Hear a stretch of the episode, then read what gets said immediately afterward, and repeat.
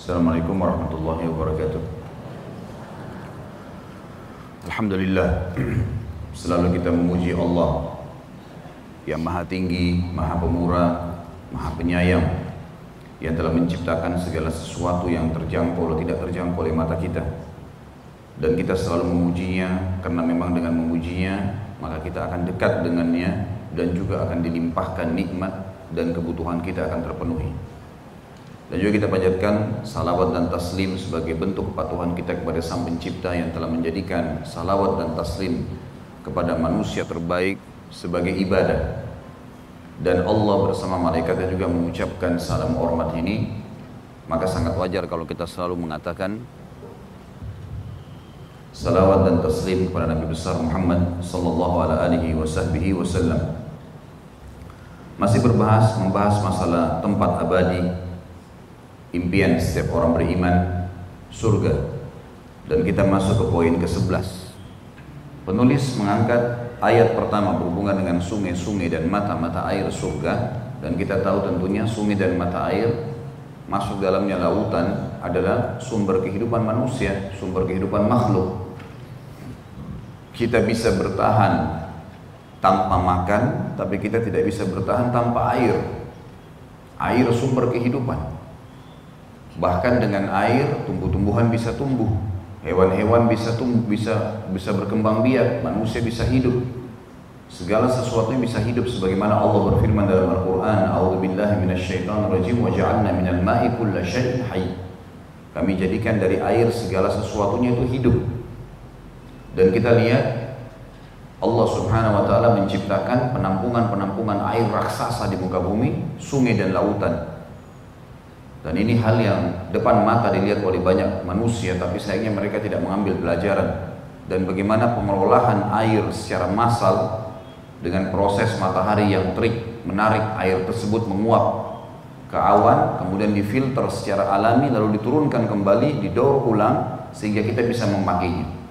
Di mana air-air yang Bapak Ibu pakai selama ini? Maaf, mandi, cuci baju, cebok dan semuanya. Di mana air-air itu semuanya?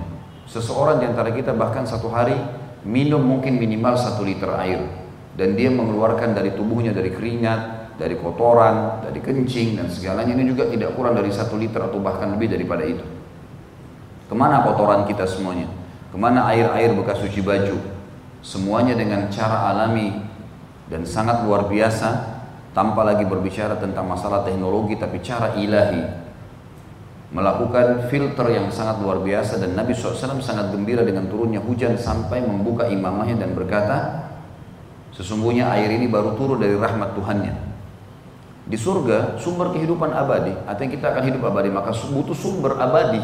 Dan itulah sungai-sungai dan mata air. Hanya bedanya di sana nanti sudah berbeda dengan sungai-sungai di dunia.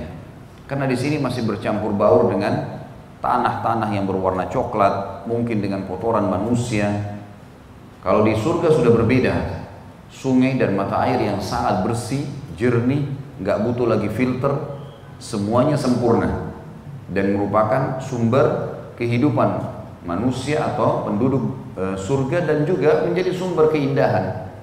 Kita tahu kalau sungai sangat bersih, kita berada di pesisirnya atau lautan, pemandangan yang sangat luar biasa. Sampai sekarang manusia kalau yang membuat hotel-hotel bintang 5 dan view-nya ke lautan pasti harganya mahal melihat ke air sesuatu yang sangat luar biasa yang merupakan ciptaan Allah. Makanya Allah selalu menyuruh kita mentadaburi masalah air itu sendiri dari proses hujannya penampungannya bagaimana kami bisa membuat eh, bahtera-bahtera kalian bisa meraung di atas sungai dan lautan dan kalian mengambil manfaat.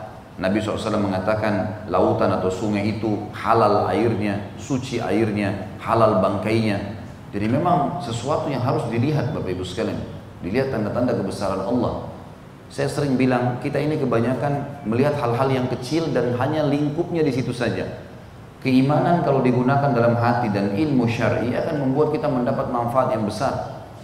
Kalau kita mau makan anggur, bukan cuma sekedar suka warna merah atau hijau atau merasakan mengatakan rasanya manis, tapi sebelum dikunyah, lihat siapa yang menata anggur itu di tangkai-tangkainya, dengan rapinya.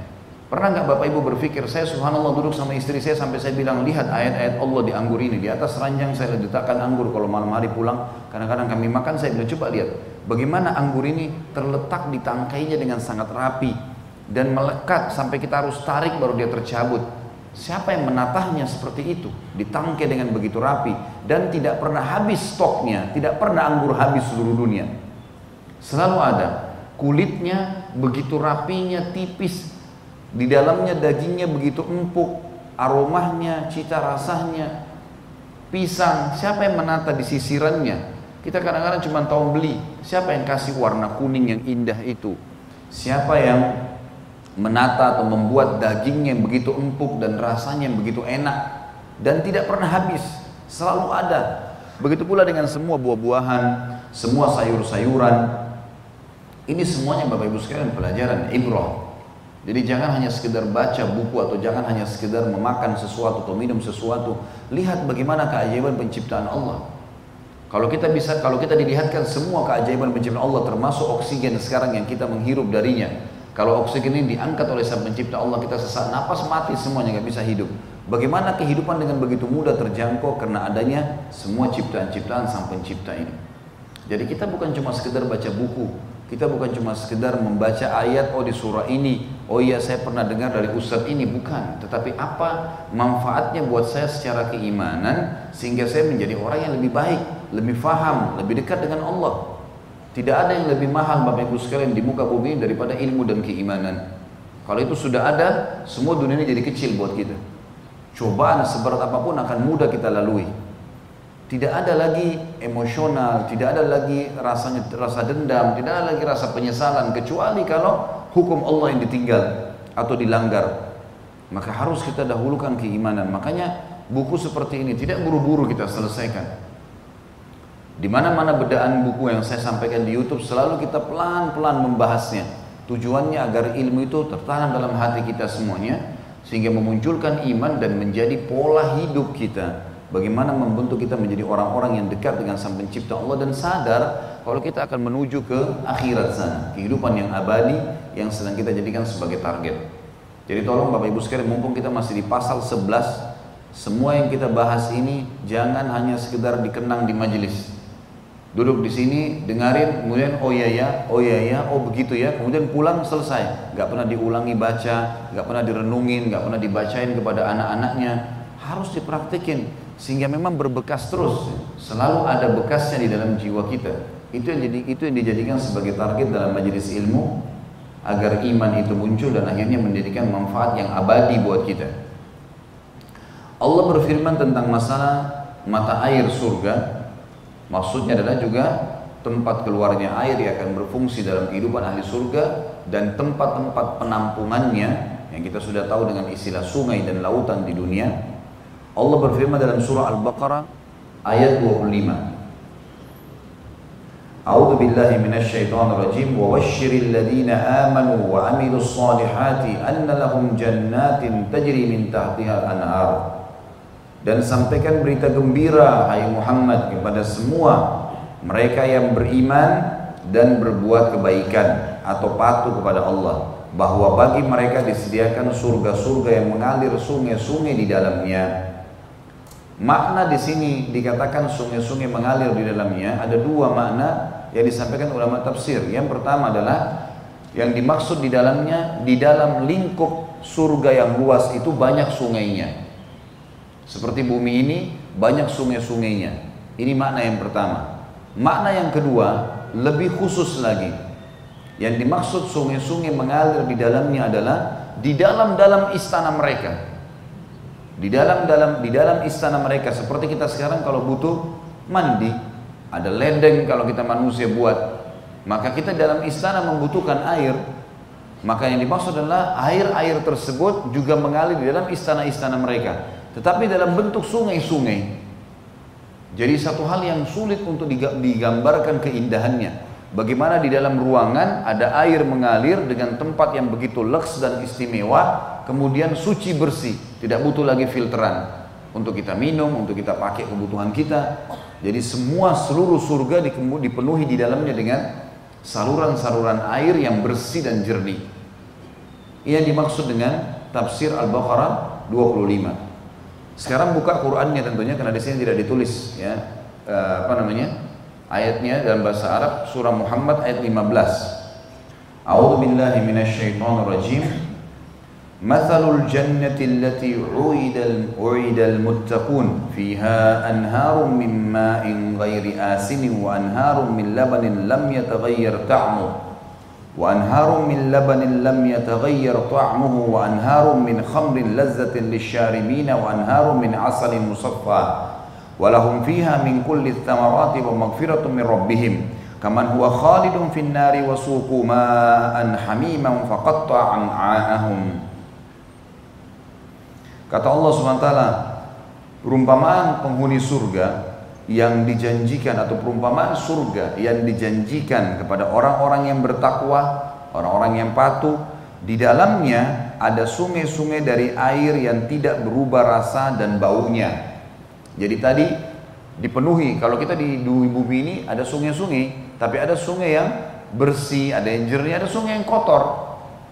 Di sini Allah sebutkan cirinya adalah ciri yang pertama ada sungai penuh di seluruh penjuru surga itu adalah sungai yang tidak akan pernah berubah rasa dan baunya. Kata para ulama tafsir maksudnya adalah rasanya manis, ya, kemudian bersih, tidak pernah ada bau busuk. Termasuk yang masuk ke aliran-aliran istana mereka. Untuk mereka nikmati berendam, untuk mereka nikmatin minum, untuk mereka nikmatin air itu. Kemudian di dalamnya juga ada sungai-sungai dari air susu yang tidak berubah rasanya. Apa maksudnya Bapak Ibu sekalian?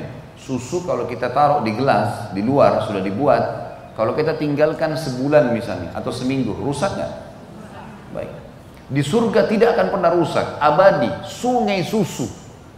Sungai yang sangat luas, susu semuanya. Jadi seakan-akan di dalam istana kita itu ada banyak aliran-aliran, ada aliran air air manis tadi, ada aliran sendiri untuk susu dan ini dibahasakan sungai. Ini dibahasakan sungai. Bukan ledeng kecil kayak kita atau dispenser yang kita pakai. Sungai yang besar di dalam istana seseorang. Sebagaimana nanti kita tentu akan hubungkan semua dalil-dalil ini dengan dalil-dalil yang lainnya, tidak bisa terpisahkan tentang masalah yang kita bahas yang lalu istana-istana yang luas. Bagaimana luasnya istana seorang mukmin di surga. Dan sudah pernah saya jelaskan, istana seorang mukmin kata Nabi SAW di surga yang paling kecil, istana yang paling kecil Bapak Ibu sekalian adalah jaraknya 40 tahun. Dari awal tanah ke ujung tanahnya itu istana paling kecil, luasnya 40 tahun. Ini bukan dibeli dengan dengan dengan seperti kita di dunia harus bekerja banting tulang segala macam bersaing dengan orang. Enggak. Kita dengan amal soleh iman dan amal soleh kita akan dapatkan semua itu. Dan ini luar biasa manfaatnya kita dapatkan sungai-sungai air yang tidak akan pernah berubah selama-lamanya baunya dan aromanya. Sungai-sungai atau lautan penampungan besar itu dari susu yang tidak akan berubah rasanya. Nggak ada lagi istilah kita dengan rusak. Ya. Dan sungai-sungai dari khamar, arak. Dari asal khamar itu asalnya umumnya dari anggur. Ya. Sungai kalau kita bahasakan sekarang seperti jus. Ya. Anggur ataupun banyak karena khamar ini bisa berarti apa pun sebenarnya yang dibuat kemudian diperam, disimpan. Zaman dulu ada anggur, ada gandum, ya. mungkin di beberapa negara juga sekarang ada menggunakan kayak kita Indonesia ada beras, tapi dia beralkohol sehingga memabukkan.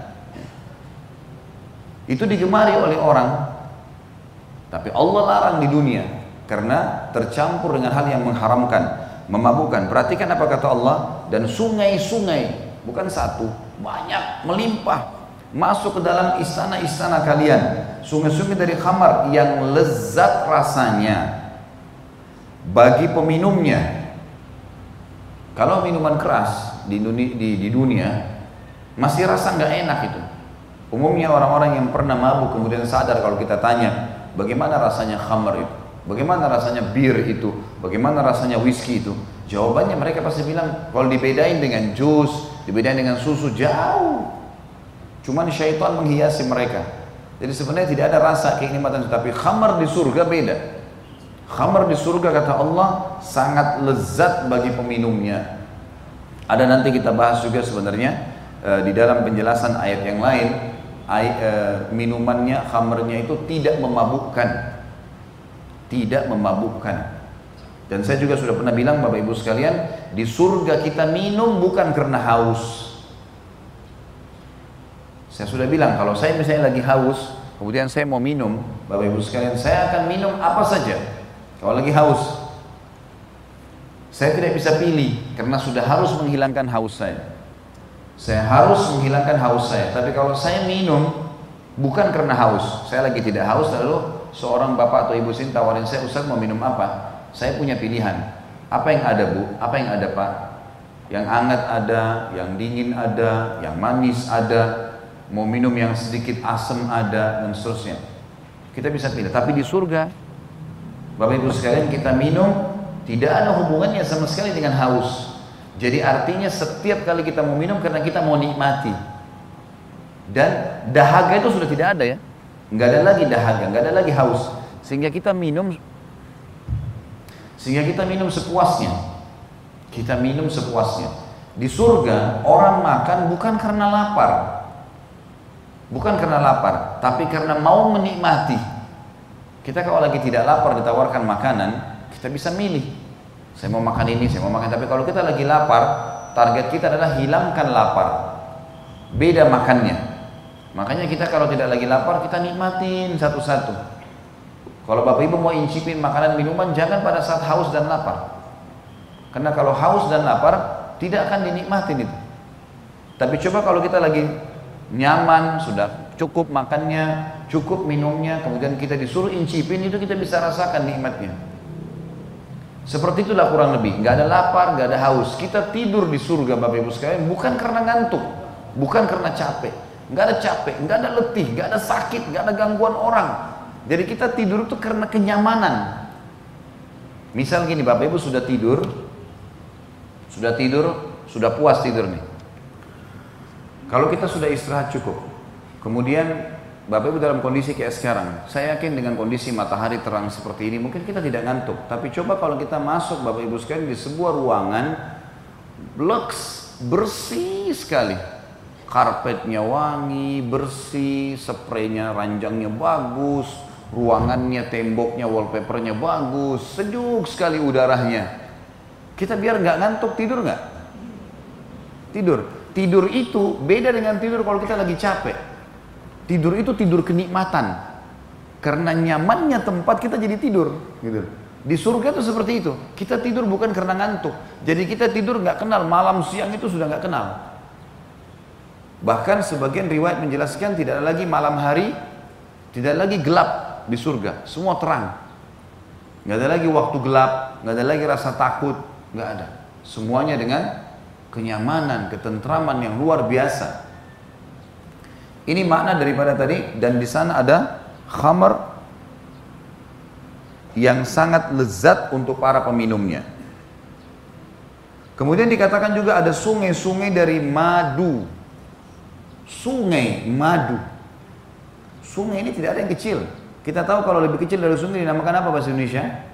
Kali. Lebih kecil lagi ada, gitu kan?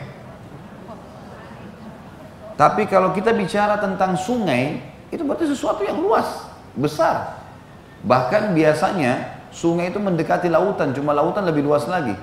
Sebagian ulama mengatakan yang dimaksud dengan anhar bukan cuma sungai, tapi lautan. Lautan yang luas. Semuanya lautan itu seluas yang kita bisa jangkau dengan mata kita, semuanya susu. Tidak ada bau busuknya, rasanya enak terus. Semuanya khamar, sungai lain lagi. Semuanya dikatakan di sini dari madu yang disaring. Gak ada sedikit pun kotorannya. Kita tahu madu makin bersih dari kotorannya maka makin mahal harganya. Karena dia bersih sekali sudah diambil sarinya. Lalu dikatakan dan mereka memperoleh di dalamnya, di dalam istana surga mereka segala macam buah-buahan apa yang dimaksud buah-buahan di sini adalah kita sekarang di dunia, ada buah yang kita dapat di Indonesia, ada yang tidak ada. Ada di negara lain misalnya, gitu kan. Ada juga di negara lain tidak bisa dapat kecuali di negara kita misalnya. Jadi di dunia ini ada buah yang ada di satu tempat, ada yang tidak ada. Saya setiap kali ke datang ke satu negara, saya sering tanya panitia kalau undang saya, ada buah-buahan karena saya gemar lihat buah-buahan dan saya selalu bertafakur di situ. Ngelihat bagaimana keajaiban Allah membuat kulitnya, rasanya, selalu saya tadaburi. Sampai kadang-kadang sambil dimakan sampai netesin air mata. Bagaimana Allah berikan pelajaran di buah ini. Siapa yang ciptakan saya? Siapa yang membuat lidah saya sehingga saya bisa rasain? Siapa yang buat warnanya buah ini? Siapa yang buat bijinya? Bagaimana saya bisa merasakan ini saya pengen, Kemudian pada saat sudah selesai saya rasa kenyang. Dari mana semua sistem ini? Begitu rapi, begitu luar biasa. Masjid ini saja teman-teman sekalian kalau tidak ada pengurus yang mengurusnya, membersihkan, mungkin sudah sangat kotor dalam satu hari atau dua hari. Bagaimana dengan muka bumi ini? Bagaimana alam semesta? Sistem yang rumit sekali, rumit luar biasa. Ini kalau nggak ada penciptanya bagaimana bisa terawat? Allah selalu menyuruh kita untuk berpikir masalah itu. Mereka akan makan dari segala macam buah-buahan. Kata para ulama yang dimaksud adalah segala jenis buah-buahan yang ada di dunia dan tidak ada di dunia. Semua akan didapatkan. Semua jenis. Dari hal yang manis sampai hal yang rasa yang mungkin kita pengen yang asam, kita pengen yang lain, semuanya sudah ada. Ya. Dikatakan dan juga ampunan dari Rob mereka. Maksudnya, orang ahli surga tidak akan lagi dimurkahi oleh Allah. Sebagaimana ada sebuah hadis, mungkin nanti akan kita baca tentu ke depannya, ada beberapa hadis yang menjelaskan kalau nanti penghuni surga sudah masuk ke dalam surga semuanya, nggak ada lagi kecuali di, di neraka itu kecuali orang yang kekal, munafik, musyrik dan kafir. Naudzubillah. Ini yang kekal. Ahli surga sudah masuk ke surga semuanya, maka Allah pun mengatakan kepada ahli surga, apakah kalian sudah puas dengan nikmat yang aku berikan? Kata mereka, ya Allah nikmat apa lagi yang kami inginkan setelah engkau selamatkan kami dari neraka dan kami masuk ke dalam surga. Maka Allah subhanahu wa ta'ala kata Nabi SAW mengatakan hari ini aku telah angkat murkahku dari kalian. Dan ulama hubungkan dengan firman Allah ini. Ya, surah Muhammad ayat 15 tentang masalah, eh, maaf, ini dalam ya, surah Muhammad ya, ayat 15 tentang masalah Allah mengatakan dan pengampunan dari Tuhan mereka. Sesuai dengan hadis tadi. Kata Nabi SAW, Allah mengatakan hari ini aku angkat murkahku dari kalian, maka kalian boleh berbuat semau kalian. Kata Nabi SAW dan ahli surga tidak akan buat kecuali ketaatan. Ini makna daripada dan ampunan dari Rob mereka. Apakah itu semua? Apakah itu semua yang sudah dijanjikan dari disebutkan sama dengan minuman yang dengan air yang mendidih sehingga memotong usus-usus? Maksudnya itu sama dengan minuman ahli neraka yang akan meminum air mendidih yang sudah kita bahas yang lalu-lalu. Air mendidih, nanah lah, darah lah, yang akhirnya memotong-motong usus apakah itu sama. Padahal kasusnya hanya karena patuh atau tidak patuh hanya itu. Nggak lebih daripada itu. Ini Bapak Ibu ini cuma bertahan dengan keimanan seperti ini. Bapak Ibu sekalian kita pertahankan yang halal kita nikmatin. Yang perintah wajib sama sudah dikerjakan yang dilarang haram dan makruh tinggalkan wallahi masuk surga. Itu janji Allah inna Allah la yukhliful mi'ad. Tinggal tunggu mati lihat malaikat mau datang cabut ruh meninggal masuk surga. Semua sahabat kalau mau meninggal Bapak Ibu sekalian semuanya mereka tersenyum dan mereka saling menyampaikan berita gembira satu sama yang lain. Waktu sahabat fulan mau mati datang yang lainnya. Berita gembira, kamu akan mendahului kami menemui sahabat-sahabat kita, menemui Rasulullah ke tempat abadi selamanya. Surga di sana. Memang sudah begitu. Itu berita gembira yang selalu disampaikan di antara mereka kalau mau meninggal dunia.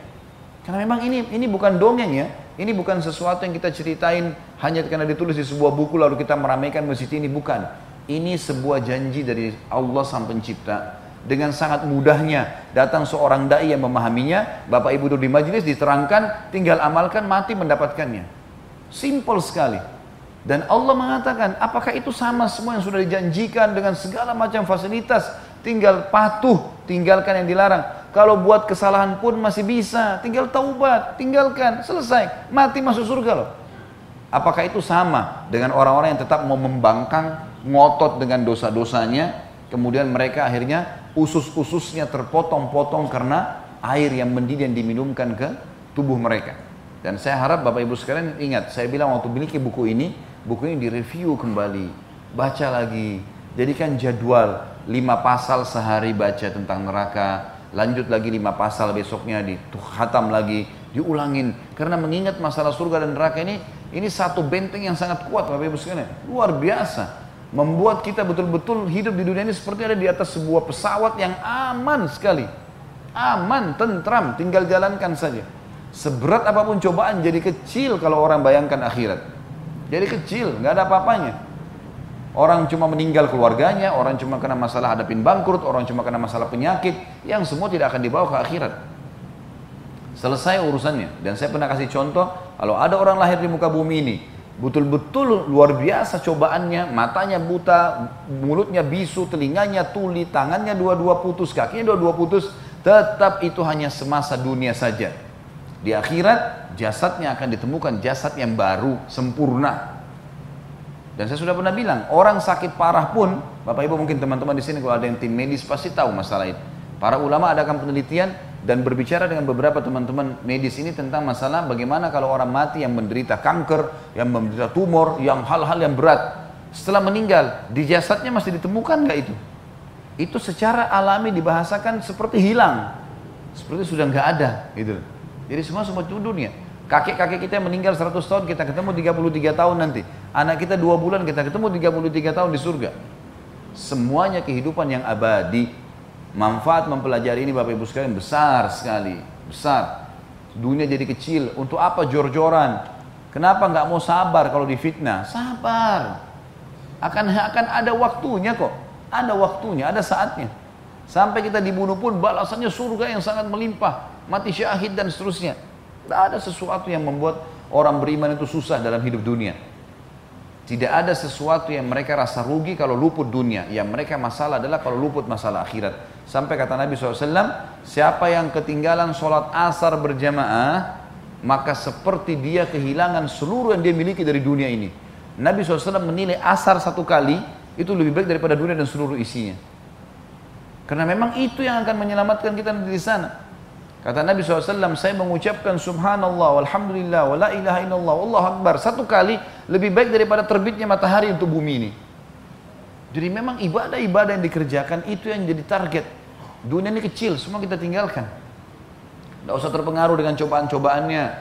Makan yang ada, minum yang ada, bismillah jalanin, ibadah patuh tinggal sebentar. Kata Nabi SAW, perumpamaan saya dan dunia ini seperti seorang musafir yang sedang capek, penat, duduk sebentar di bawah pohon, kemudian penatnya hilang, dia akan pergi.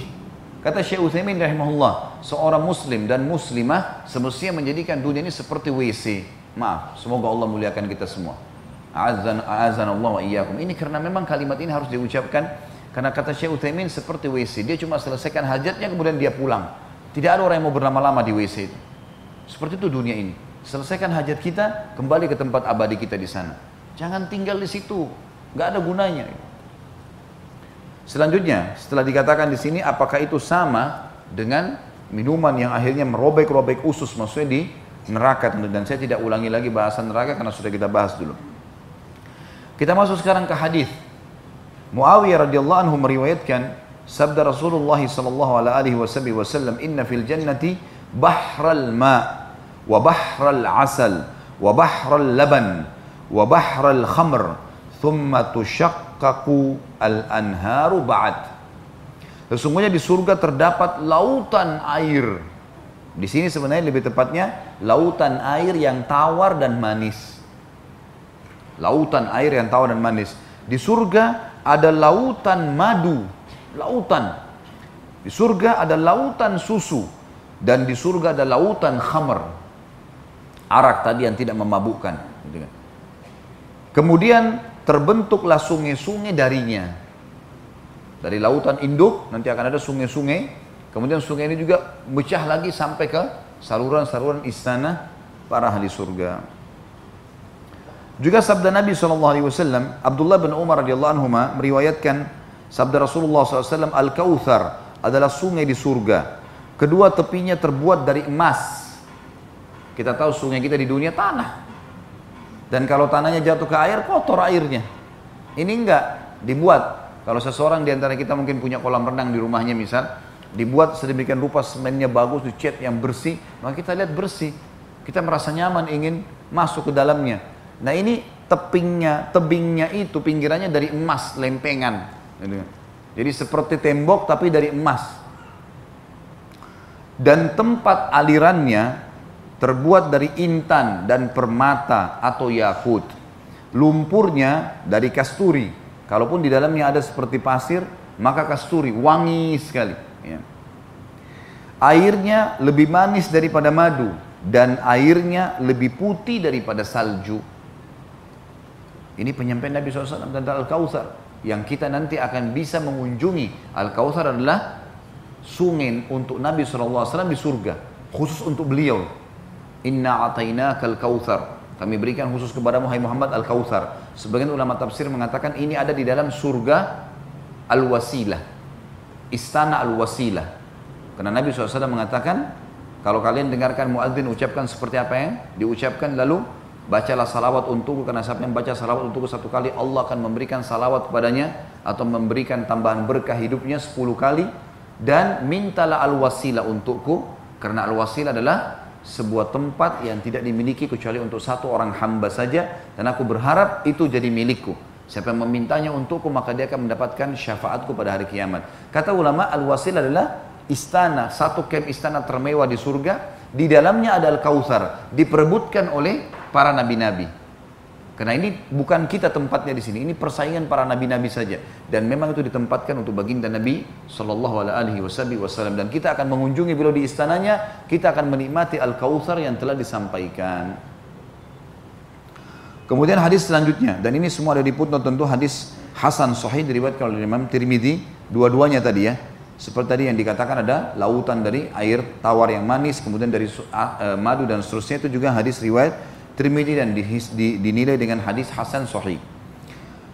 Hadis yang ketiga adalah Anas bin Malik radhiyallahu anhu meriwayatkan sabda Rasulullah wasallam ketika aku berjalan di surga tiba-tiba aku berada di sebuah sungai yang kedua tepinya terdapat bejana-bejana terbuat dari intan berlubang.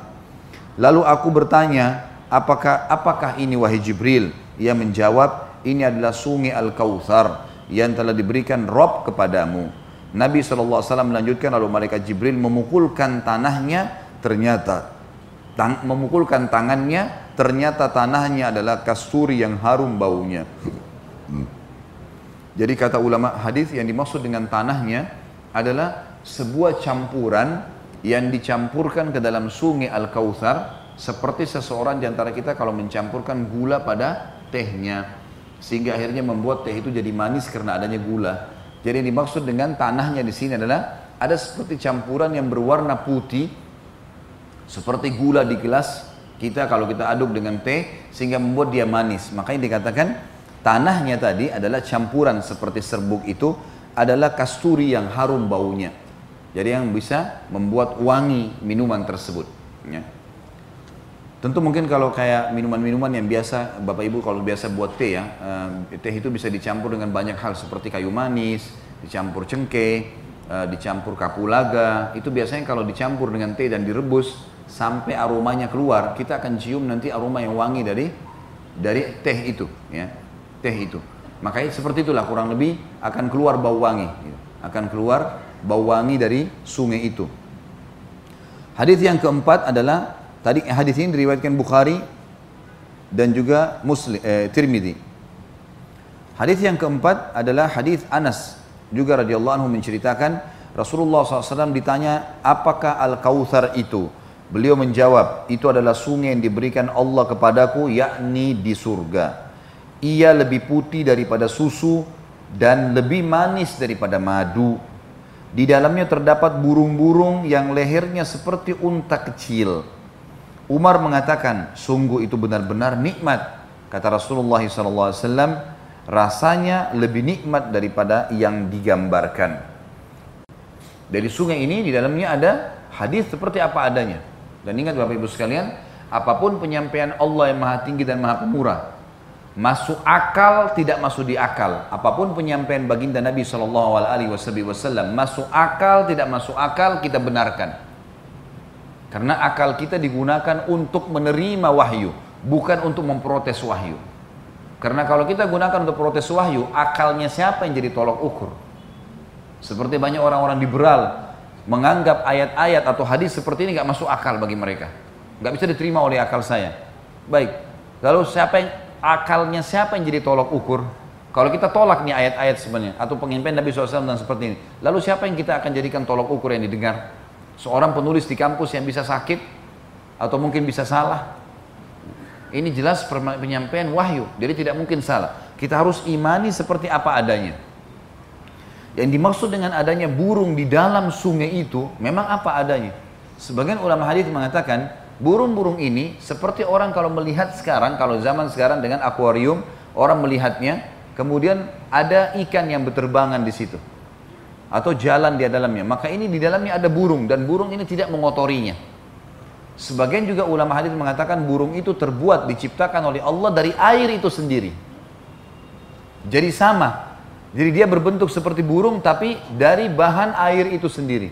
Sehingga dia sama sekali tidak mengganggu atau mengotorinya. Ini semua disampaikan agar orang tidak memahami, oh kalau ada burung di dalam air tersebut terus kita mau minum jadi kotor. Nanti burung itu mengeluarkan kotoran dan seterusnya ini tidak benar. Jadi ini adalah sebuah hiasan yang diletakkan oleh Allah, burung-burung yang berbentuk leher seperti unta, jadi lehernya panjang kemudian berenang-berenang di dalam Al-Kautsar itu sebagai hiasan. Tapi bahan buatan burung itu dari air itu sendiri.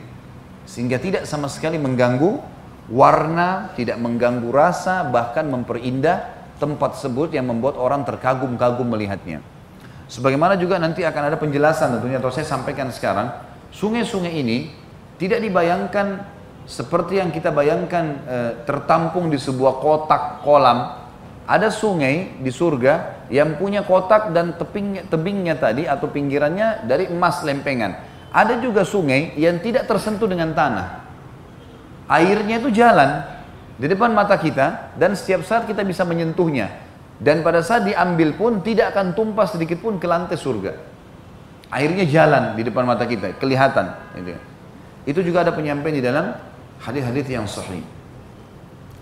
Selanjutnya hadis yang kelima, As-Sammak menceritakan radhiyallahu anhu suatu ketika ia berjumpa Abdullah bin Abbas radhiyallahu anhu di Madinah setelah penglihatannya Ibnu Abbas buta lalu bertanya wahai Ibnu Abbas bagaimana tanahnya surga ia menjawab yaitu marmer putih yang terbuat dari perak seolah-olah cermin jadi memang diterimakan marmer di sini karena memang makna daripada kalimat bahasa Arabnya adalah batu putih dari gunungan, gitu kan?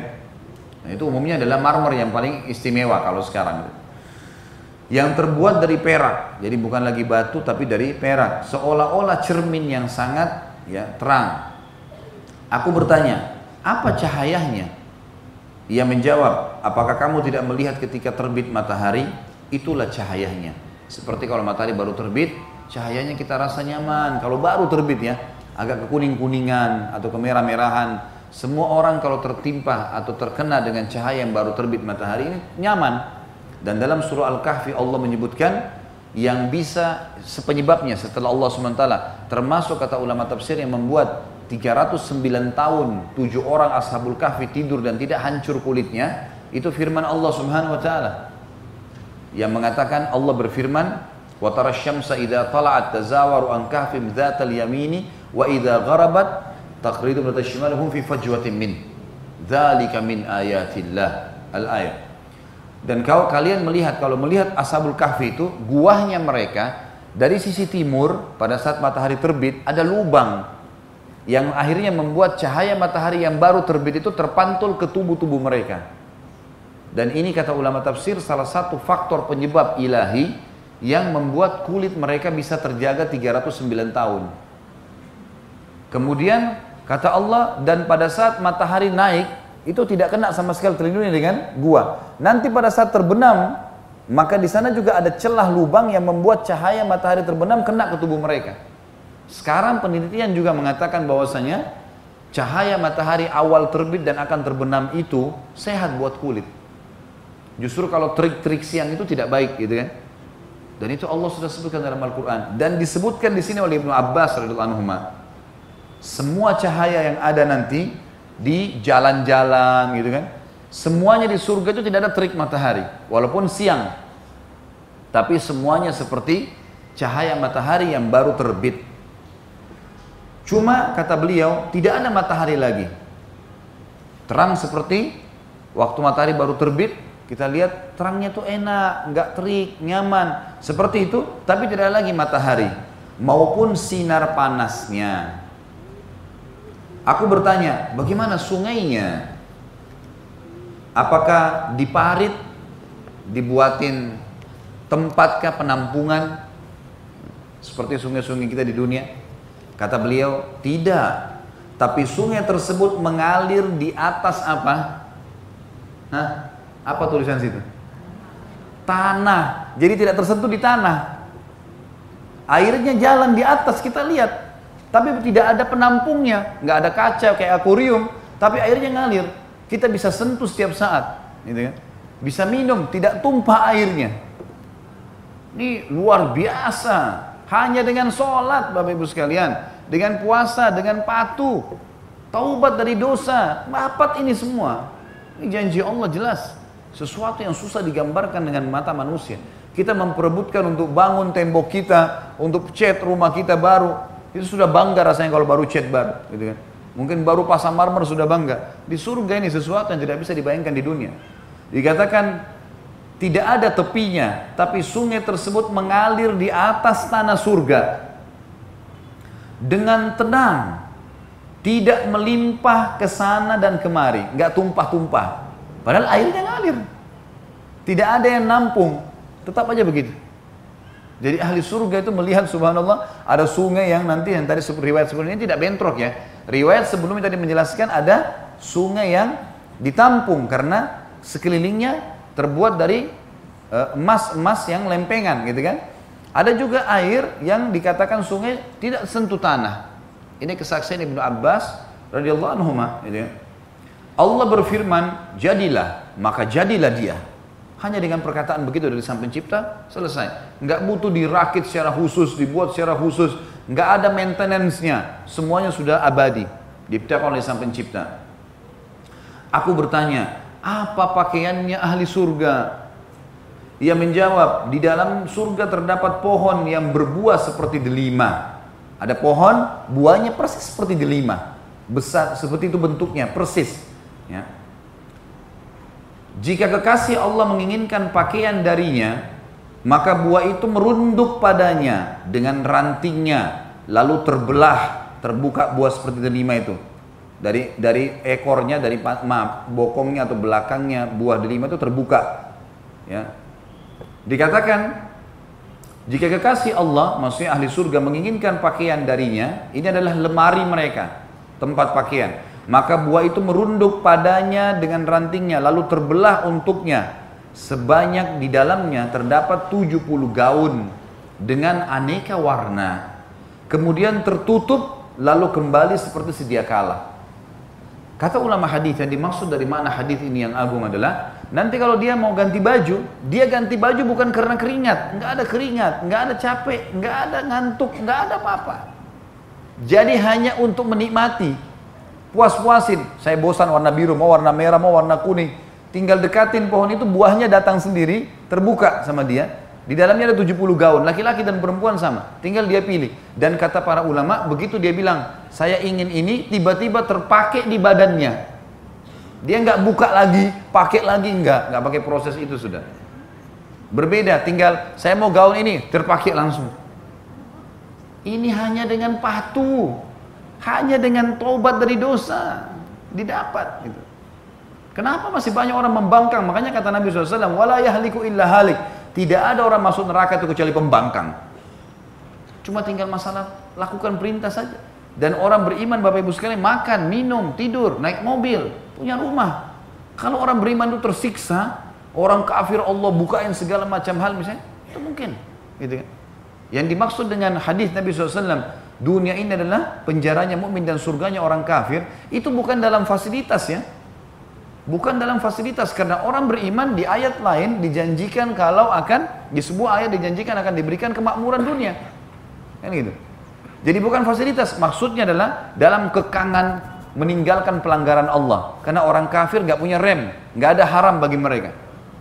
Jadi jangan difahami, oh ini penjara orang mukmin artinya orang mukmin berarti jadi susah. Enggak. Orang mukmin itu paling gembira. Dia makan bahkan lebih hebat daripada orang kafir karena dia cuma boleh makan yang halal dan tayyib, yang dihalalkan dan yang berkualitas, gitu kan. Dia boleh bergaul, bebas, punya keturunan, tapi dengan cara menikah, terhormat, semua orang tahu dan dan seterusnya. Jadi orang beriman itu lebih terkontrol hidupnya di dunia dan di akhirat. Fasilitas tetap lebih baik orang beriman. Kalau orang kafir di dunia dapat fasilitas itu pun susah. Mereka tidak kenal mana halal, mana haram, mana yang busuk, mana yang bagus. Kalau buah itu orang beriman cuma ambil yang high quality saja. Dia cuma ambil yang tidak ada cacatnya sedikit pun. Kalau orang kafir semua dimakan. Mau ada ulatnya, mau enggak, semuanya dimakan. Karena mereka juga tidak tahu ini busuk atau enggak. Jadi orang beriman ini janjinya luar biasa. Dikatakan di sini dalam hadis yang terakhir Ibnu Abbas. Tadi itu hadis hadis itu diriwayatkan Ibnu Abi dengan sanad hasan ya. Sebagaimana dinyatakan juga oleh Hafil Mundri dalam At-Targhib tentang hasannya derajat hadis tadi. Semoga Allah karuniakan kita surga insya Allah. Ibnu Abbas berkata radhiyallahu anhu meriwayatkan Rasulullah SAW bersabda para syuhada berada di tepi sungai pada pintu surga. Dalam kubah berwarna hijau rezeki mereka di surga datang kepada mereka ketika pagi dan petang ketika pagi dan petang. Yang dimaksud dengan hadis ini adalah para syuhada mereka diberikan lagi keistimewaan tersendiri selain sungai-sungai tadi segala macam sudah disebutkan itu maka mereka disiapkan lagi para syuhada akan berkumpul di sebuah tempat yang tempat ini berada di tepi sungai pada pintu surga. Ini khusus untuk para syuhada. Orang yang tidak mati syahid tidak datang di situ. Disiapkan buat mereka. Kemudian di situ terdapat kubah-kubah yang banyak berwarna hijau. Jadi ini yang membedakan dia dengan yang lainnya. Kalau ini adalah khusus pintu gerbang masuk, ada kubah warna hijaunya, ini khusus untuk syuhada dan mereka di dalam diberikan rezeki tambahan setiap pagi dan petang hari. Di sini tentu secara global disampaikan dan tidak dirincikan. Kata ulama hadis sudah tidak sudah tidak perlu lagi dirincikan apa yang akan Allah kasih.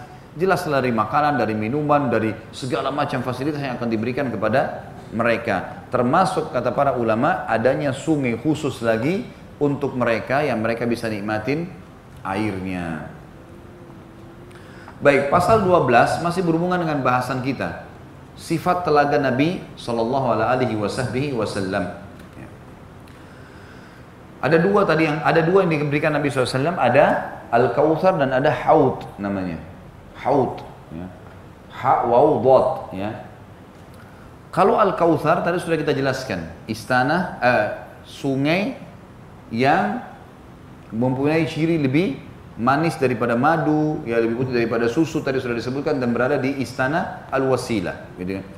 Allah sebutkan tentang Al-Kautsar dalam surah Al-Kautsar khusus ayat 1 sampai ayat 3. A'udzu billahi minasyaitonir rajim. Inna a'tainakal kautsar fasalli li rabbika wanhar inna syani'aka huwal abtar. Sesungguhnya kami telah memberikan kepadamu nikmat yang banyak dan ini sebagian ulama mengatakan sebenarnya terjemahan yang tepat kami berikan kamu al-kautsar. Apa adanya. Al-kautsar adalah istana eh, sungai yang paling istimewa di surga berada di, sungai, di, di surga di istana al-wasilah gitu kan. Jadi diterjemahkan apa adanya mestinya. Karena kalau dikatakan nikmat yang besar tidak sesuai dengan makna hadis tadi. Kan hadis menjelaskan kan tentang sifat kautsar kan. Sungai di surga begini begitu dan seterusnya maka oleh karena itu, hai Muhammad, sholatlah dan berkurbanlah. Sebagian ulama mengatakan ini yang dimaksud adalah ayat yang kedua turun kepada Nabi SAW untuk mengerjakan sholat idul adha dan juga berkurban setelahnya. Sekaligus juga saya ingatkan Bapak Ibu sekalian karena kebetulan ayat ini lewat. Subhanallah Allah ingatkan saya tanggal 2 September. 2 September. Sampai 12 September ini lingkarin baik-baik ini hari emas kita. 10 hari pertama bulan Zulhijjah. 2 September sampai 12 September. Baik-baik dari bawah ini. Jangan kehilangan. Ini yang pernah saya jelaskan waktu awal kita buka taklim kita tentang ya, mutiara-mutiara Ramadan yang kita bisa dapatkan dari Ramadan. Maka ada hadis Nabi SAW, Ma min ayyamin al-amalu salihu fihi ahabbu ilallahi min hadhil ayyam ya'nil ashir.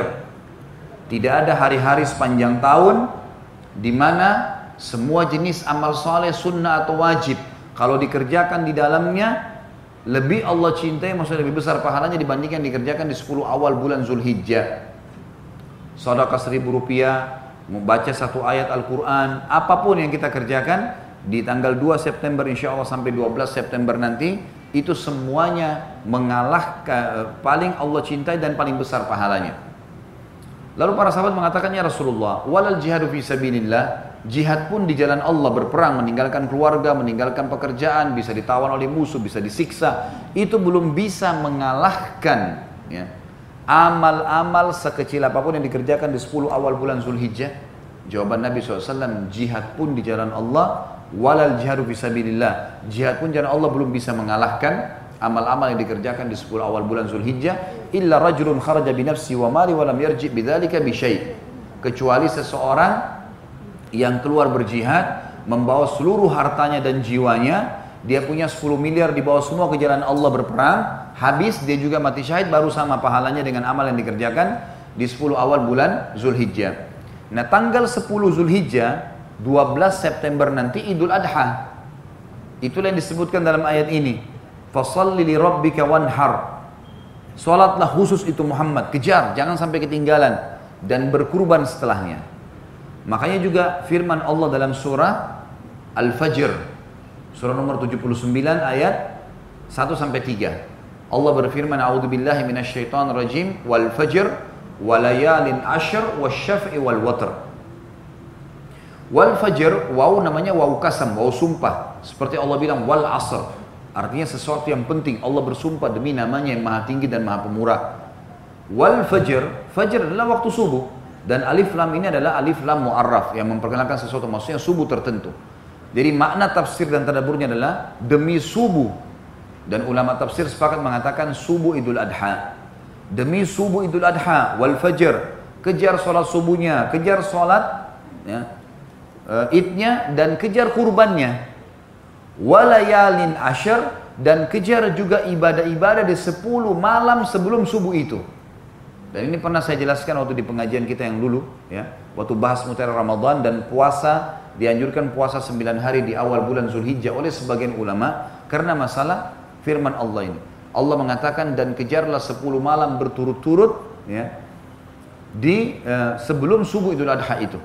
Sebagian ulama tafsir mengatakan makna ayat ini berarti 10 awal bulan Zulhijjah menyaingi bahkan sebagian mereka mengatakan mengalahkan 10 akhir Ramadan. Kok bisa? 10 akhir Ramadan ada Lailatul Qadar Ustaz? Iya memang. Lebih baik daripada 1000 bulan? Iya memang.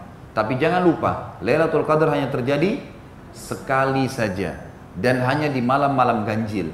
Allah suruh kejar kita di malam-malam ganjil. Sebagaimana sabda Nabi SAW, kejarlah Lailatul Qadar di malam-malam ganjil Ramadan, gitu kan? Baik, di sini kita disuruh kejar 10 malam berturut-turut. Mau genap, mau ganjil semua disuruh. Walayalin ashir. Wasyaf'i wal watar dan khusus tanggal 8 dan tanggal 9-nya. Tanggal 8 awal jemaah haji pakai ihram. Tanggal 9 dikenal dengan hari tarwiyah. Tanggal 9 jemaah haji masuk wukuf di Arafah. Dan itu puncak ibadah haji, gitu kan. Nah ini yang disuruh oleh Allah SWT untuk lakukan. Saksi bahasan kita di awal ayat wal fajr tadi demi subuh Idul Adha sama dengan firman Allah fasalli li rabbika wanhar. Dan kata para ulama tafsir, siapa yang ingin mendapatkan al-kautsar menikmati bersama dengan baginda Nabi SAW, dia terapkan ayat ini. Jaga sholatnya, on time semuanya wajib dan sunnah, kemudian dia sering memberikan makan orang dengan sembelih. Ya. Sembelih hewan, kurban, maka ini bukan cuma idul adha ya, seperti misal ada yang banyak orang tidak lakukan Bapak Ibu sekalian kalau lagi umroh, lagi umroh itu di antara sunnah Nabi SAW menyembelih hewan. Banyak kita tidak lakukan karena mungkin belum disampaikan instruksinya. Di zaman Nabi SAW ada namanya hadyu. Hadyu itu adalah hewan-hewan yang dikhususkan dikasih tanda lehernya untuk disembeli kalau lagi umroh di Mekah. Nah ini bagus sekali kalau dilakukan gitu kan. Jadi nanti kalau insya Allah satu waktu umroh usahakan bisa mengeluarkan uang kurang lebih kalau harganya di Saudi 100 real, eh maaf 100 dolar, 375 real atau sekitar 400 real harga satu ekor kambing. Sembelih lalu bagikan kepada fakir miskin di sana. Ini termasuk bagian daripada sunnah. Juga dianjurkan kita sering memberikan makanan kepada orang. Sembelih hewan berikan makan, tidak harus ya tidak harus eh, apa namanya tunggu Idul Adha. Karena ini sebuah ibadah. Menyembelih hewan dengan nama Allah dan hewan itu adalah hewan-hewan yang disunnahkan seperti sapi, kambing, ya, unta yang kita sudah tahu di Idul Adha dan kita juga akan masuki waktu dekat Idul Adha ini, maka itu adalah ibadah yang besar. Sekaligus juga di Idul Adha yang paling afdal disembeli adalah domba atau kambing. Domba enam bulan dan kambing itu satu tahun. Domba enam bulan dan kambing itu satu tahun. Itu minimal umur. Boleh jantan, boleh betina, asal tidak cacat. Itu boleh. Ini ini ini paling afdal. Datang setelahnya sapi sama unta. Baik Ustaz, saya punya uang 15 juta. Mana lebih baik? Saya sembeli sapi untuk Allah di Idul Adha atau saya sembeli domba? Jawabannya tetap domba. Misal 15 juta kita mampu beli satu ekor sapi. Tapi kita dapat kambing misal harganya 2 juta setengah. Baik, dengan 15 juta misalnya kita bisa dapat 6 ekor kambing. Lebih baik 6 ekor kambing tetap lebih afdal kambing. Karena kata Nabi, katakan karena Nabi SAW menyembeli untuk diri beliau 65 ekor SAW domba dan kambing. Cuma kita biasa merasa mungkin alergi, tidak makan kambing dan seterusnya. Ini adalah persepsi yang salah. Ya, kambing adalah hewan yang sangat mulia. Bahkan kata Nabi SAW sebaik-baik harta adalah harta seorang muslim adalah kambing. Itu dibahasakan dalam hadis Nabi SAW. Gitu kan? Dan kata Nabi SAW, salah satu penyebab kekayaan justru orang yang mengembala atau berdagang kambing. Kata Nabi SAW, kiamat tidak terjadi kecuali pengembala-pengembala kambing akan membangun building-building yang besar. Gitu. Maka itu yang terjadi. Ya. Hewan ini sunnah dimakan. Karena Nabi SAW gemar sekali makan kambing. Kita juga punya akikah dalam Islam. Dan akikah ini harus kambing atau domba, nggak boleh ganti hewan lain dan sunnahnya memakan sebagian dagingnya. Mau dia orang Arab, mau dia orang bule, mau dia orang Melayu, mau dia orang hitam dari Afrika. Jadi persepsi mengatakan, mengatakan kambing hewan orang Arab salah. Ini hewannya orang muslim. Karena semua kalau anaknya lahir orang bule di Amerika sana laki-laki dua ekor kambing dan sunnah makan. Lahir di Jazirah Arab tetap sama kambing. Lahir di Melayu juga sama kambing. Lahir di Afrika juga kambing. Nggak bisa ganti hewan lain dan ini menandakan kita disunnahkan makan sebagiannya. Kita disunnahkan makan sebagiannya. Ya. Jadi ini harus difahami Bapak Ibu sekalian. Tentu boleh sapi, bukan tidak boleh. Karena memang ada riwayat dari Ibnu Abbas yang menjelaskan bolehnya sapi dan ya, e, unta. Tetapi tetap lebih afdal masalah kambing. Masalah ada yang mengatakan kambing itu penyebab kolesterol darah tinggi ini tidak ada buktinya. Mana buktinya? Enggak ada datanya sama sekali. Bahkan yang yang yang diteliti oleh para ilmuwan dikatakan kambing dan domba itu justru protein dagingnya senyawa dengan protein daging manusia. Dalam arti kata orang kalau makan justru larinya ke otot bukan ke lemak. Susunya susu tersehat di dunia. Yang jadi masalah adalah bumbunya. Karena kita di Indonesia pakai santan, pakai minyak, pakai segala macam, garamnya masya Allah berapa kilo. Nah, itu yang jadi masalah. Coba kalau bapak ibu masak buat sup tapi garamnya biasa saja, diganti ayam menjadi kambing misalnya. Coba coba deh, gitu kan? Dan di Timur Tengah dijadikan terapi oleh sebagian teman-teman medis di sana. Kalau ada orang sakit, terutama kropos tulang misalnya, ya atau rematik itu minumnya susu kambing. Dan mereka disuruh konsumsi. Kalau yang lemah fisik, sakit, itu makanya malah daging kambing. Tapi dijauhi semua bumbu-bumbu, gitu kan? Gak ada garam, gak ada apa-apa, tapi main murni dagingnya. Kita tidak bicara jeruannya. Kita bicara dagingnya. Ini termasuk berhubungan dengan firman Allah wanhar dan berkurban. Dan kita disuruh melakukan ini tentunya. Baik selanjutnya kata Allah SWT inna syani'aka huwal abtar sesungguhnya orang yang membencimu dialah yang terputus dari rahmat Allah. Jadi kalau kita sudah mengikuti Nabi SAW lalu ada orang yang membenci kita itu dia yang terputus dari rahmat Allah. Kita nggak usah pusing dengan itu. Yang penting kita berada di atas rel ajaran baginda Nabi sallallahu alaihi wasallam. Ini masalah al-kautsar. Sekarang kita masuk ke haud. Haud adalah sebuah kuala yang ini tidak kita katakan sungai tentunya, tapi sebuah, sebuah kuala yang disiapkan oleh Allah Subhanahu wa taala untuk nabinya Muhammad sallallahu alaihi wasallam di mahsyar. Khusus di padang mahsyar. Saya pernah jelaskan masalah ini pada saat kita bahas neraka. Nanti ya, pada saat seseorang sudah lolos dari timbangan amal Bapak Ibu sekalian. Tapi syaratnya kita lolos dari timbangan amal. Kalau sudah lolos dari timbangan amal, ya, orang masih nunggu. Semua orang akan menunggu untuk melewatin sirat. Karena lewatin sirat dulu yang dibentangkan di atas neraka, baru kita tiba di kantara, sebuah lapangan luas di mana orang beriman saling membersihkan hati satu sama yang lain, kemudian baru mereka masuk ke dalam surga. Nah, transisi habis timbangan amal dan sudah jelas timbangan amal kita lolos masuk surga, itu kita akan ditunggu oleh Nabi SAW di haud. Makanya beliau pernah waktu sakit keras, Sallallahu Alaihi Wasallam sudah sakit keras dan sahabat sudah sangat prihatin dengan keadaan beliau. Karena beliau naik di atas mimbar dan berkata Sallallahu Alaihi Wasallam, Sungguh seorang hamba telah diberikan pilihan oleh sang pencipta Allah untuk berada di sisinya, di sisi Allah, atau tinggal di dunia. Maka dia pun memilih berada di sisi Tuhannya. Semua sahabat bingung, nggak faham masalah sabda Nabi SAW ini. Abu Bakar tiba-tiba nangis di dalam masjid, di pojokan masjid. Kata para sahabat, kenapa anda menangis? Kata Abu Bakar radhiyallahu anhu, makna sabda Nabi SAW ini, beliau sudah menjalankan amanah untuk menyampaikan agama Allah. Sudah tuntas nih sudah lengkap agama ini. Berarti beliau sudah tidak dibutuhkan lagi. Maknanya beliau akan meninggal dunia. Maka Nabi SAW di atas mimbar mengatakan benar yang dikatakan Abu Bakar. Lalu orang semua menangis satu masjid waktu itu. Nabi SAW kemudian turun dari mimbar. Waktu masuk dalam rumah orang ketakutan semua. Jangan sampai Nabi SAW masuk sudah meninggal nih. Lalu beliau keluar lagi, naik dari mimbar lalu berkata yang kedua kalinya. Wahai sekalian manusia, sesungguhnya perjanjian kita kita akan ketemu dan abadi selamanya di hautku.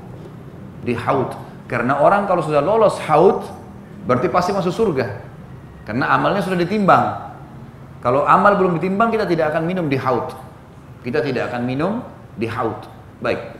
Haut ini sifatnya disebutkan. Abdullah bin Amr bin As radhiyallahu anhuma meriwayatkan sabda Rasulullah sallallahu alaihi wasallam, "Haudi masiratu syahr." ma'uhu abyadu minal laban wa rihuhu atyabu minal misk wa kizanuhu kanujumis sama man syariba minha fala yadhma'u abada. Telagaku nanti sejauh perjalanan sebulan. Makanya Nabi SAW membahasakan dengan telaga bukan sungai gitu kan? Dan ini saya sudah bilang tadi berada di mahsyar. Dalam arti kata haut ini setelah kita masuk ke dalam surga sudah tidak tidak ada lagi. Ya, yang ada adalah Al-Kautsar tadi. Airnya lebih putih daripada susu, baunya lebih harum daripada kasturi, bejadanya seperti bintang di langit. Maksudnya jumlahnya seperti bintang, miliaran. Canteng-canteng untuk minumnya, itu bejananya penuh seperti bintang di langit. Siapa yang minum darinya, maksudnya seteguk saja, maka tidak akan pernah merasakan dahaga selama-lamanya. Karena memang setelah itu nggak ada lagi haus, nggak ada lagi haus. Di surga nggak ada haus tadi saya bilang, nggak ada lapar, nggak ada capek, nggak ada ngantuk, nggak ada sakit, nggak ada semuanya. Kemudian hadis yang selanjutnya adalah Anas radhiyallahu anhu. Tentu hadis tadi diriwayatkan Imam Bukhari dari Imam Muslim. Hadis selanjutnya Anas radhiyallahu meriwayatkan sabda Rasulullah sallallahu alaihi wasallam, luas telagaku seperti antara Aila dan San'a di Yaman. Di dalamnya terdapat bejana-bejana sebanyak jumlah bintang di langit. Aila dan San'a ini kalau kita sekarang kurang lebih jaraknya 1000 km. Atau kurang lebih perjalanan sebulan kalau zaman dulu dengan kuda. Sama dengan Mekah ke Palestina, perjalanan Isra Mi'raj Nabi SAW. Itu juga perjalanan sebulan, gitu kan, zaman dulu. Maka ini Nabi SAW memberikan gambaran kepada kita. Kalau ada yang bertanya misalnya, jumlah umat Muhammad SAW berapa banyak nih? Miliaran. Sekarang aja yang hidup 3 miliar, yang sudah mati, yang akan lahir nanti berapa miliar? Cukupkah orang minum? Maka Nabi SAW berikan jawaban, telagaku nanti seluas satu bulan perjalanan. Canteng-cantengnya, bejananya sebanyak bintang di langit. Artinya biar kalian jumlahnya banyak, kalian akan cukup. Tetap bintang di langit lebih banyak daripada jumlah manusia. Gitu. Dan kemudian disebutkan ciri-cirinya, ya, jalan seperti perjalanan antara Aila sebuah kota dan San'a. Ini dua kota ya. Aila ada yang mengatakan dia berada di wilayah Jazirah Arab tapi bukan Yaman, sementara San'a adalah ibu kota Yaman. Abu Hazim ini tadi riwayat Bukhari Muslim ya. Kemudian hadis selanjutnya Abu Hazim meriwayatkan dari Sahal bin Sa'ad radhiyallahu anhu bahwasanya Rasulullah sallallahu alaihi wasallam bersabda, "Inni faratukum alal haud man marra alayya syariba wa man syariba lam yadhma abada la yaridanna alayya aqwamun a'rifuhum wa, wa ya'rifuni thumma yuhalu baini wa bainahum Aku datang lebih dulu daripada kalian di telaga. Karena Nabi SAW tidak pakai timbangan amal. Nabi SAW sudah tinggal menunggu di telaga. Siapa yang lewat di hadapanku maka ia akan minum. Artinya siapa yang lolos dari kalian dari timbangan amal, dia pasti akan minum. Enggak ada orang yang tidak minum dari umat Muhammad SAW. Dan siapa yang minum maka dia tidak akan merasakan dahaga selama-lamanya. Sungguh nanti ada beberapa golongan datang kepadaku. Nah ini orang-orang yang ditimbang amalnya tapi ternyata masuk neraka. Mereka lihat kaum muslimin jalan, mereka ikut. Lalu kemudian mereka dihalang oleh para malaikat. Dihalang oleh para malaikat. Lalu aku berkata, aku mengenal mereka dan mereka mengenalku. Artinya orang-orang yang hidup di zaman Nabi SAW. Seperti kasus orang-orang Arab Badui yang hidup di zaman Nabi SAW dan setelah Nabi SAW meninggal mereka murtad. Ya seperti yang menjadi pengikut Musailam al-Kadzab, al-Aswad al-Unsi yang diperangi oleh Abu Bakar radhiyallahu anhu karena dianggap mereka murtad, penolak membayar zakat, gitu kan. Ini semua orang kenal syahadat di depan Nabi SAW, tapi mereka murtad setelahnya. Dan ini tidak seperti yang dikatakan oleh Syiah. Ini menandakan berarti Abu Bakar dan Umar juga kafir. Ini tidak benar. Abu Bakar yang memerangi mereka. Dan tidak boleh kita bolak-balik fakta sejarah. Gitu kan. Kemudian dihalangi antara diriku dengan mereka. Abu Hazm mengatakan, ketika Nu'man bin Abi Iyash mendengarkanku, ia berkata, apakah kamu mendengarkan demikian dari Sahal? Kamu dengar langsung dengan kupingmu? Aku menjawab, iya. Ia mengatakan, aku bersaksi kepada Abu Sa'id al-Khudri sungguh aku mendengarkannya dengan menambahkan di dalamnya. Jadi tabi'in berbicara dengan tabi'in. Abu Hazm mendengar Abu Hazim mendengarkan riwayat tadi dari ya sahabat Nabi yang mulia yang bernama Sahal bin Sa'ad. Sementara dia waktu nyampaikan ada ada tabi'in yang lain yang bernama Nu'man bin Abi Iyash. Lalu dia bilang, "Kalau apa kau dengar langsung dari Sahal?" Dia bilang, "Iya." Baik. Saya bersaksi kalau saya juga dengar dari sahabat Nabi yang lain yang bernama Abu Sa'id Al-Khudri radhiyallahu anhu dan ada tambahan dari apa yang kau bilang tadi ada tambahannya lagi. Ada berita gembira tambahan lagi. Sungguh aku mendengarkan dalam tambahannya aku maka aku mengatakan sesungguhnya mereka termasuk golonganku. Maka dijawab sesungguhnya kamu tidak tahu apa yang mereka ada-adakan sepeninggalmu. Lalu aku mengatakan pada mereka, jauh, jauh bagi siapa yang mengubah agamaku sepeninggalku.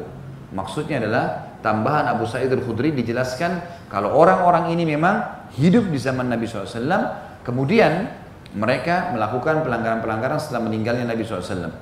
Dihalangi tidak bisa ke haud karena mereka kufur, ya setelahnya murtad. Maka kata Nabi SAW, jauh, pergilah dari saya. Gitu kan? Sungguh ya tidak layak orang-orang minum dari telagaku orang yang sudah mengganti agamaku. Hadis ini riwayat Bukhari Muslim. Al Bukhari rahimahullah juga mengatakan Ibnu Abbas mengatakan suhkan artinya bu'dan atau jauh karena Nabi SAW mengatakan suhkan suhkan ya maksudnya menjauh dari saya menjauh kenapa kalian mengganti agama saya setelah saya meninggal kalian tinggal bertahan saja mengamalkan isinya. Fard ialah orang yang datang terlebih dahulu karena kata Nabi SAW inni faratukum. Makna daripada inni faratukum tadi adalah orang yang datang lebih dulu untuk memperbaiki aliran, ember dan berbagai urusan pemberian minum. Ini makna dalam bahasa Arab ya. Kemudian makna faratukum alal haud ialah aku lebih dulu ke telaga daripada kalian sebagai orang yang dipersiapkan untuknya Baik selanjutnya Abu Hurairah anu meriwayatkan sabda Rasulullah sallallahu alaihi wasallam yang terlentak antara rumahku dan mimbarku adalah salah satu taman atau raudhah dari taman-taman surga dan mimbarku terletak di atas telagaku. Hadis ini sahih diriwayatkan oleh Imam Bukhari Muslim. Hadis ini dirincikan oleh para ulama dengan ya, dua pendapat. Yang pertama, mereka mengatakan bahwasanya antara mimbar dan rumah Nabi Shallallahu Alaihi Wasallam antara rumah Nabi SAW dengan mimbar Nabi SAW yang dikenal biasa dengan raudhah adalah taman dari taman surga, artinya Allah Subhanahu wa taala akan menjadikan bagian potongan masjid itu nanti di surga. Dan mimbar Nabi SAW yang pernah ada di zaman beliau itu akan ditaruh di atas haud Nabi SAW dan Nabi akan duduk di situ menunggu kita di tengah-tengah haud dan semua kita melihatnya. Ini yang makna pertama berhubungan dengan masalah raudhah. Makna yang kedua daripada hadis Nabi SAW antara rumahku dan mimbarku taman dari taman surga adalah kembali kepada perilaku para sahabat yang ada pada saat itu. Karena Nabi SAW pernah keluar dari rumahnya kemudian mendapatkan sahabatnya ada yang sholat, ada yang baca Quran, ada yang berzikir, ada yang saling menasehatin. Maka beliau mengatakan waktu melihat itu antara rumahku dan mimbarku taman dari taman surga. Ini bisa dibawa kepada dua-dua maknanya, dua-dua hadis dibawa maknanya. Makna yang pertama adalah memang isyarat dari Nabi siapa pun yang duduk di masjid, masjid mana saja, termasuk masjid Nabi SAW karena waktu itu masjid cuman itu saja antara rumah sama mimbar Nabi SAW. Itu siapa pun yang berzikir, membaca Al-Quran, ibadah, maka dia seperti berada di taman dari taman surga. Itu makna daripada ya, hadis tadi. Dan ini bukan berarti pada saat kita sedang masuk sana sekarang kita berada di taman-taman surga. Karena itu adalah potongan masjid. Tetapi nanti di akhirat, menurut hadis yang kedua ini adalah betul-betul potongan itu dibawa ke surga. Dan mimbar Nabi SAW akan ditaruh di atas telagahnya. Alaihi salatu wassalam. Kemudian hadis selanjutnya hadis riwayat Bukhari Muslim. Asma binti Abu Bakar radhiyallahu anhu mengatakan, sesungguhnya aku berada di atas telaga sehingga aku melihat orang yang masuk kepadaku dari antara kalian. Maksudnya Nabi SAW berada di tengah-tengah telaga, telaga ini di bawahnya. Dia duduk di atas mimbarnya, jadi beliau lihat siapa pun yang datang. Tahu. Dan beliau mengenal umatnya sudah kita bahasakan dari mana? Dari cahaya wudhu yang terlihat. Dan juga yang datang ke haud adalah orang-orang yang sudah lolos saja dari timbangan amal. Pasti masuk surga. Asma binti Abu Bakar radhiyallahu anhu mengatakan sungguhnya aku berada di atas telaga sehingga aku melihat orang yang masuk kepadaku dari antara kalian. Dan segolongan orang dihalangi mendekatiku. Maka aku katakan wahai Rob mereka termasuk golonganku dan umatku. Dijawab apakah kamu tidak tahu? Apakah kamu tidak tahu apa yang mereka lakukan sepeninggalmu? Demi Allah mereka kembali ke belakang mereka atau dalam keadaan murtad. Nah di sini riwayat Bukhari Muslim. Sekali lagi ini kembali kepada fakta sejarah ada di antara orang yang sempat syahadat setelah pembebasan kota Mekah lalu mereka pulang ke kaumnya setelah Nabi SAW meninggal mereka murtad. Mereka nggak mau. Dan ini bukan sahabat-sahabat mulia yang tinggal di Madinah. Ya. Ibnu Abi Mulaika pernah berdoa Ya Allah sungguhnya kami berlindung kepadamu dari kembali ke belakang atau murtad atau muncul fitnah dalam agama kami. Jadi Ibnu Abi Mulaika pada saat sudah membaca hadis ini maka beliau berkata Semoga ya Allah engkau menjaga kami dari murtad dari agamamu. Agar jangan sampai termasuk kita dihalangi minum dari haud. Hadis selanjutnya hadis Abi Dzar radhiyallahu anhu menceritakan aku pernah bertanya wahai Rasulullah, apakah yang dimaksud dengan bejana-bejana telaga? Beliau menjawab, demi zat yang jiwa Muhammad berada di tangannya, sungguh bejana-bejananya lebih banyak dibandingkan jumlah bintang di langit yaitu di malam yang gelap lagi cerah. Maksudnya kalau lagi gelap langit dan bintang lagi langit lagi cerah, bintang akan kelihatan semua. Bejana-bejana tempat minum di telagaku nanti lebih banyak daripada itu. Siapa yang minum dari bejana surga, maka ia tidak akan dahaga selamanya. Di dalamnya di telaga itu ada keran, ya, terdapat keran dari surga. Siapa yang minum darinya maka ia tidak akan merasa dahaga. Luasnya seperti panjangnya antara Amman hingga Ailah. Tadi ya kurang lebih satu bulan perjalanan. Airnya lebih putih daripada susu dan lebih manis daripada madu. Hadis ini diriwayatkan oleh Imam Muslim dan ini ulama menamakan berarti ada tambahan informasi buat kita. Kalau haud itu saluran airnya dari mana? Dari surga. Dan ini ulama mengatakan menguatkan pendapat Kenapa sabda Nabi SAW mengatakan siapa yang minum seteguk tidak akan haus? Karena memang itu adalah air dari surga. Dan memang surga tidak akan membuat lagi orang dahaga. Hadis yang terakhir dalam pasal kita, dua hadis yang terakhir ya.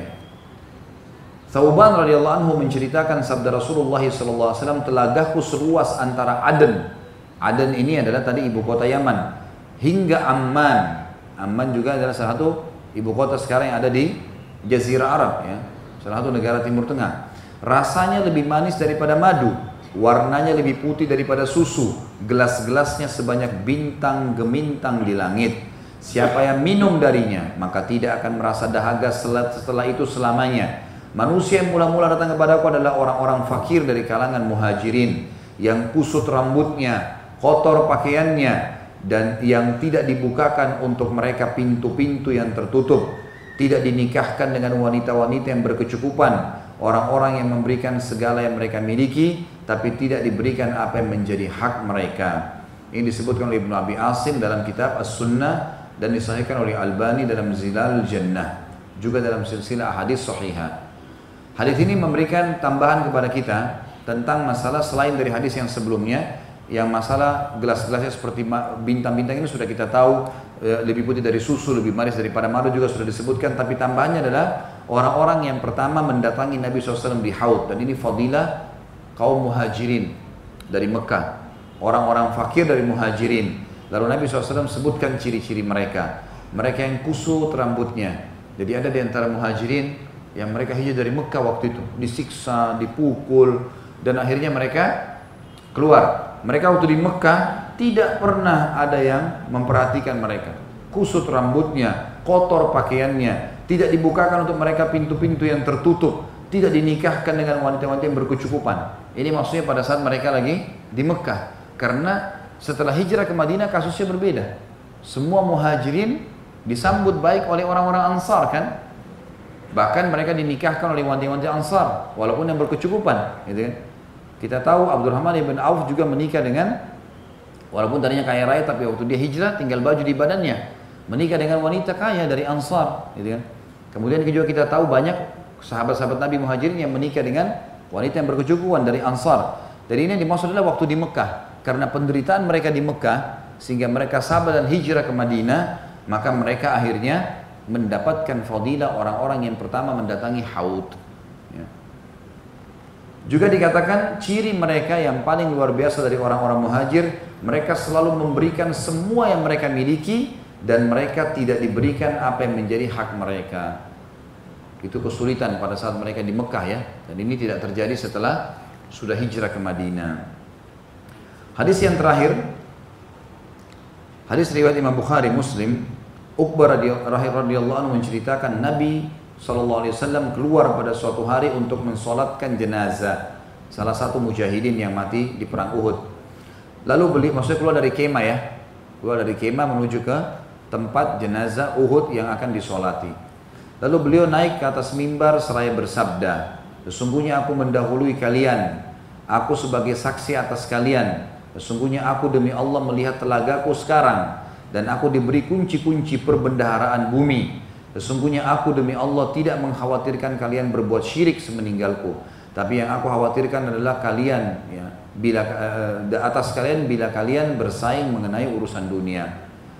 Jadi maksudnya di sini Nabi SAW menjelaskan kalau nanti beliau akan menunggu di haud dan beliau mengatakan syirik itu tidak terlalu saya khawatirkan karena masih banyak orang yang akan ingatkan masih banyak orang yang ingatkan jangan nggak boleh begini dilarang seperti sekarang banyak dai-dai meluruskan nggak boleh minta minta di kuburan nggak boleh gini dan seterusnya tapi aku khawatirkan justru yang membuat kalian akan masuk neraka nanti bahkan bisa tidak minum haud perlu kita tahu ya Nanti kalau ada orang muslim pun timbangan dosanya lebih berat daripada amal solehnya. Dalam arti kata akan masuk ke neraka tidak minum haud. Mereka tidak dapat haud walaupun nanti akan masuk surga. Jadi Nabi SAW ingatkan jangan jadi orang seperti itu. Artinya dosanya lebih berat daripada amal solehnya sehingga tidak minum haudku masuk neraka dulu nanti masuk surga. Permasalahannya karena mereka bersaing dalam urusan dunia. Karena kalau sudah bersaing tentang masalah pilpres lah, pilkada lah, segala macam fasilitas dunia ini, maka yang jadi masalah adalah jor-joran, salahin, jelek-jelekin orang, dan seterusnya. Ini semua adalah perbuatan-perbuatan yang membuat seseorang akhirnya menumpuk dosanya dan timbangan dosanya menjadi berat. Allahu a'lam. Sudah jam 11 lewat tentu saya ada pengajian lagi di kantor di Sudirman, saya harus ke sana sekarang. Kita berdoa kepada Allah Subhanahu wa taala semoga saja apa yang sudah kita kerjakan selama ini diterima olehnya dan juga semua dosa yang pernah kita kerjakan diganti dengan kemahamurahannya menjadi pahala dan juga semua sisa umur kita ke depan diisi dengan ketaatan, kepatuhan, kesolehan, diberkahi di anak, di keluarga, di pasangan hidup, di ilmu, dan juga puncaknya kita masuk surga hisab, surga firdaus tanpa hisab. Dan juga kita berdoa kepada Allah saudara kita di Palestina, di Syria, di Yaman, di Irak, di Myanmar, di Ahsa, di mana pun mereka sedang tertindas. Semoga Allah ikhlaskan niat mereka terima para syuhada mereka muliakan Islam di tangan kita dan tangan mereka semuanya. Dan semoga Allah mempartisipasikan kita bersama mereka di pahala baik dengan doa dengan harta juga dengan jiwa kita. Dan semoga Allah dengan kemahamurahnya menyatukan kita semua di surga firdausnya tanpa hisab sebagaimana disatukan dalam majlis ilmu yang mulia ini. Dan kita berdoa semoga saja seluruh jajaran pemerintahan kita dari mulai presiden sampai kepada jajaran pemerintah semuanya dan seluruh masyarakat Indonesia umumnya supaya kembali kepada Al-Quran dan Sunnah ya, memuliakan Islam di tangan mereka dan tangan kita semua dan mudah-mudahan negara kita bisa menjadi contoh dalam menerapkan agama Islam dan itu bukan mustahil karena Allah Subhanahu wa taala mampu mengerjakan apa saja. Mungkin begitu subhanakallahumma bihamdika asyhadu an la ilaha illallah astaghfirullah wa atubu. Wassalamualaikum warahmatullahi wabarakatuh.